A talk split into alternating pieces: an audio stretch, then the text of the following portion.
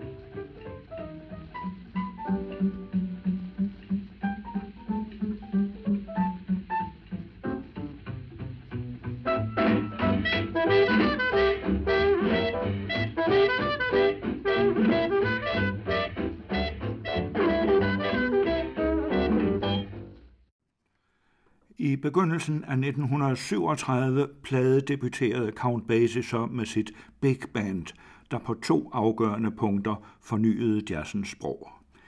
Basies rytmegruppe lagde lige stor vægt på alle fire taktslag og skabte derved en let og fjedrende rytme med en helt usædvanlig swing-fornemmelse. Basie udviklede et utroligt sikkert rytmisk klaverspil, som også kunne være drilsk og humoristisk. Han har ofte kun brug for én finger til at etablere swing-fornemmelsen og holde den oppe, godt understøttet af sin legendariske rytmegruppe. I tråd med denne rytmiske nyskabelse omdefinerede Base desuden, hvad blues er.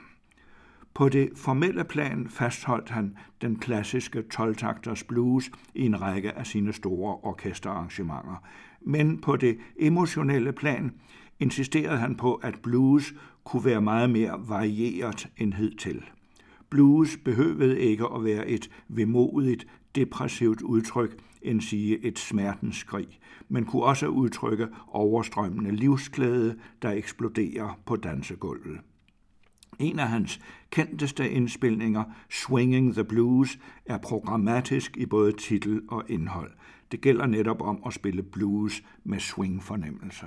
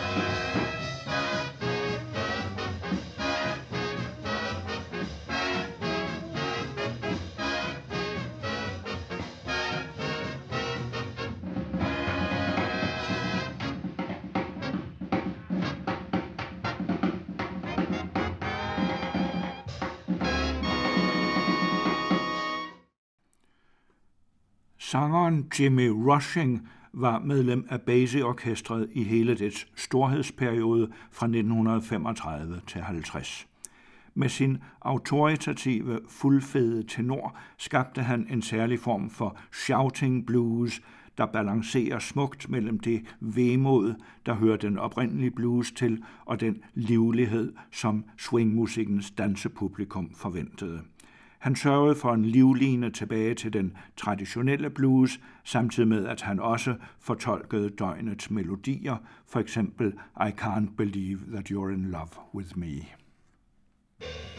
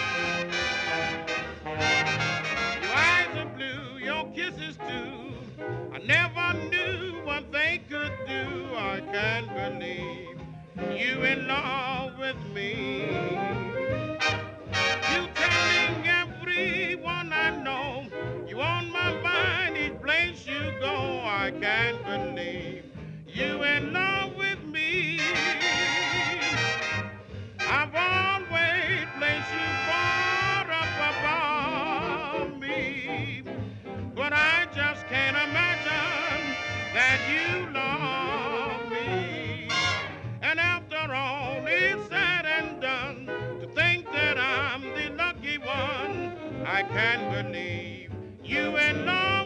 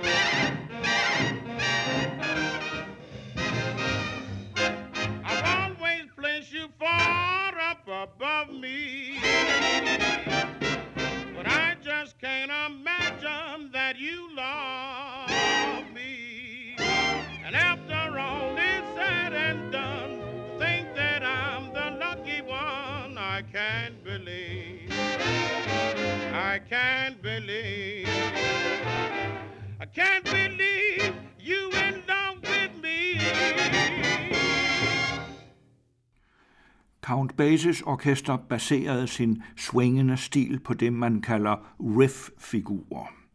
Et riff er en gentagen rytmisk melodisk figur, som både kan være en del af temaet og ligge som en understrøm bag solisten.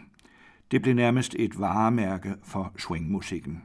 Ofte kulminerer et basenummer med en række stigende riffs, der med hypnotisk virkning kan flette sig elastisk ind i hinanden, som for eksempel på en klassiker som One O'Clock Jump, der også er en blues. Den rummer det smukkeste eksempel på Basis rytmiske enfingerspil, og det er frem for alt her, at Basie rendyrker den teknik og lader riffet fortsætte under de enkelte soli. Det giver både solisten tryghed og fyrer ekstra op under ham. Og som solister hører vi her en sand perlerække af swingtidens betydeligste navne. Tenorsaxofonisten Herschel Evans, bassonisten Dickie Wells, tenorsaxofonisten Lester Young og trompetisten Buck Clayton. One O'Clock Jump.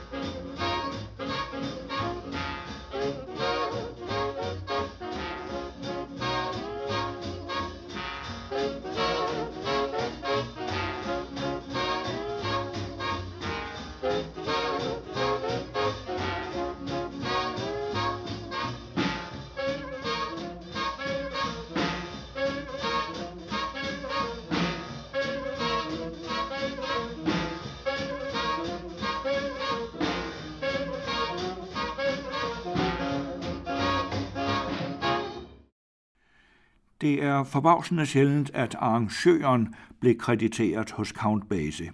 Han var selv hovedleverandør af melodier til orkestret, og det menes, at han overvejende har benyttet sig af de såkaldte head arrangements, det vil sige arrangementer, som han udviklede i samarbejde med musikerne, når de kom på et velegnet riff, som de kunne rumme i hovedet frem for på nodeark.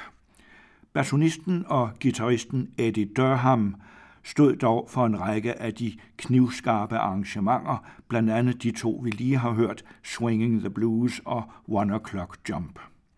Eddie Durham gik på tur i flere af swingperiodens big bands og arrangerede blandt andet for Glenn Miller, som udvandede swingstilen i noget, man kunne kalde husmor jazz, altså en umådelig populær hvid afart af den sorte swingmusik, men fuldstændig uden de betydelige solister, som prægede Count Basies orkester. For Glenn Miller arrangerede Eddie Durham In the Mood, som er en af de få Miller-indspilninger, man alene på grund af arrangementet lytter til med fornøjelse.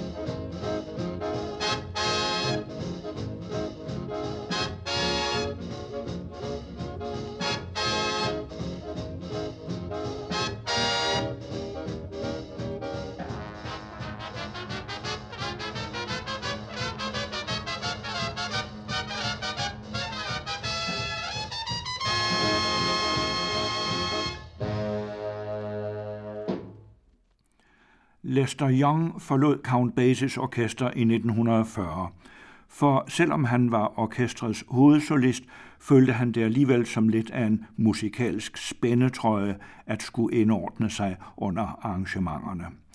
Men han havnede snart i en spændetrøje, der var nok så alvorlig, nemlig den amerikanske hær. De, der kendte Lester Young, har enstemmigt beskrevet ham som et blidt og generøst menneske. De eneste personer, han ikke kunne med, var dem, der ville gøre sig til autoriteter over andre. Han talte aldrig ondt om nogen og forstod ikke, at mennesker kunne behandle hinanden dårligt. Hans gavmildhed kendte ingen grænser, og han lånte konstant penge til de kollegaer, der ingen havde, uden at føre regnskab med, om han nu også fik dem tilbage.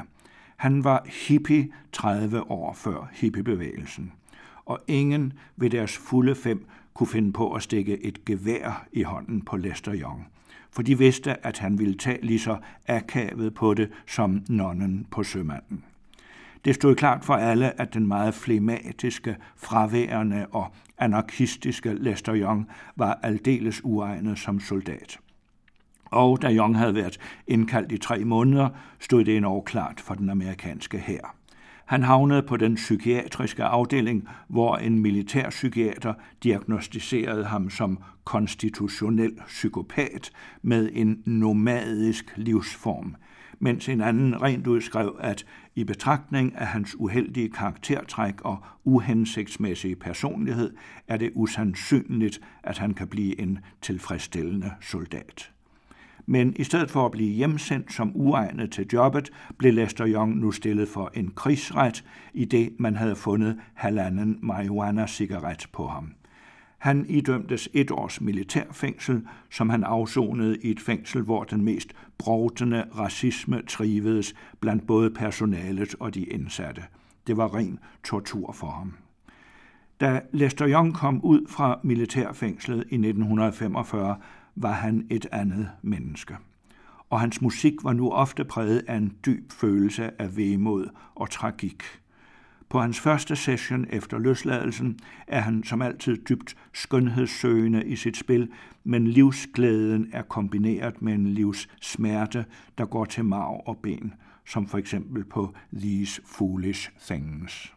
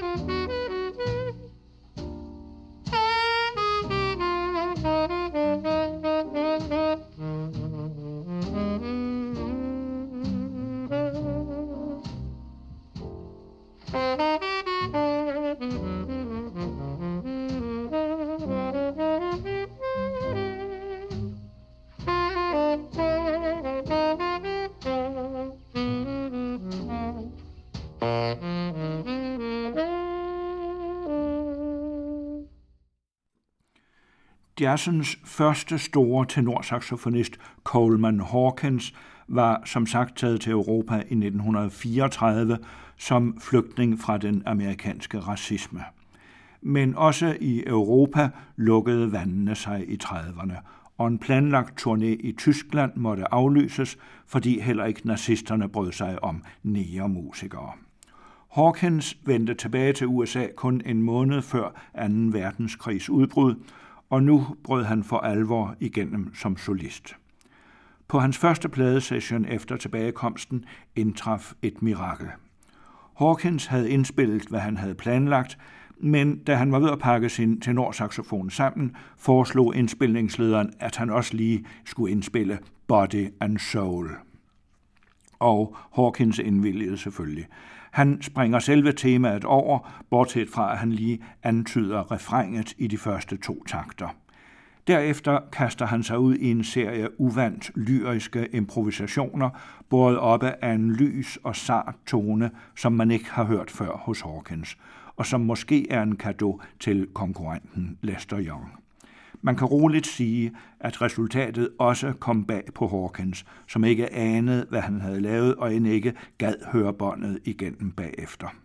I dag regnes Body and Soul for en af jazzens store soli på niveau med Louis Armstrongs West End Blues og Lester Youngs Oh Lady Be Good. Historien om, hvor tilfældigt Coleman Hawkins Body and Soul blev til, fortæller meget om jazzens natur. Det, som Hawkins havde planlagt på forhånd, virker i dag umådeligt tidsbundet, mens hans ikke planlagte solo fortsat er lige så frisk og ny som i 1939. Og hvad der gælder specifikt i jazzen, har vel samtidig almen gyldighed. Man er ofte bedst, når man ikke anstrenger sig for at være det.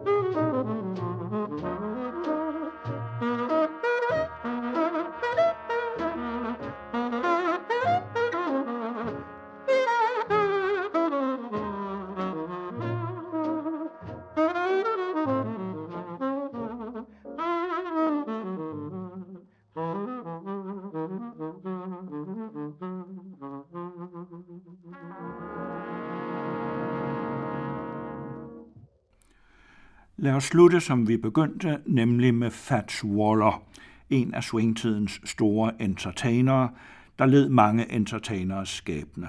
Han bar klovnens maske, men bag masken var han et dybt sårbart og ensomt menneske.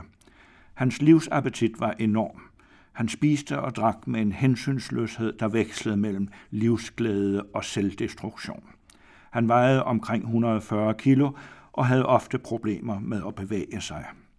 Under et engagement på vestkysten i 1943 pådrog han sig en alvorlig bronkitis, som han ikke havde kræfter til at stå imod, og han døde under den kolde togrejse hjem til New York. Men selv sin sidste rejse fik han forvandlet til en musikalsk joke. Da han vågnede et kort øjeblik i toget og hørte den hylende vind udenfor, bemærkede han, at den lød som Coleman Hawkins tenorsaxofon. Næste morgen blev han fundet død i sin sovevogn.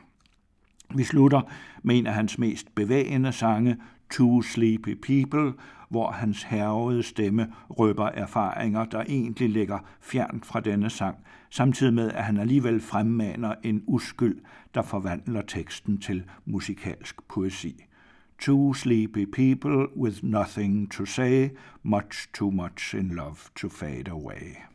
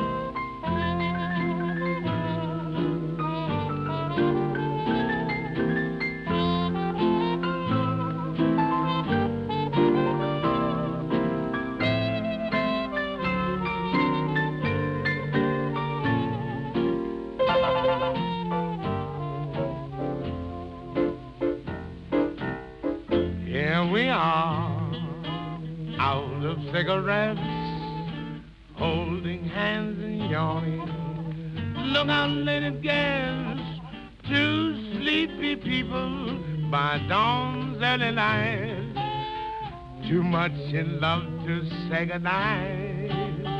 Say, here we are in this cozy chair, picking on a wishbone from the frigid air. Two sleepy people with nothing to say.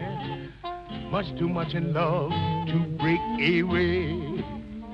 And do you remember the nights we used to linger in the hall? Father didn't like you at all, but I was crazy about you, remember? Do you remember the reason why we married in the fall? To rent this little nest and get a bit of rest. Well, here we are, just about the same. Foggy little fellow, dizzy little dame, to sleepy people by dawn's early light. Much too much in love to say good night. Good night. I hørte Christian Brød Thomsen, og vi fortsætter jazzens historie næste uge.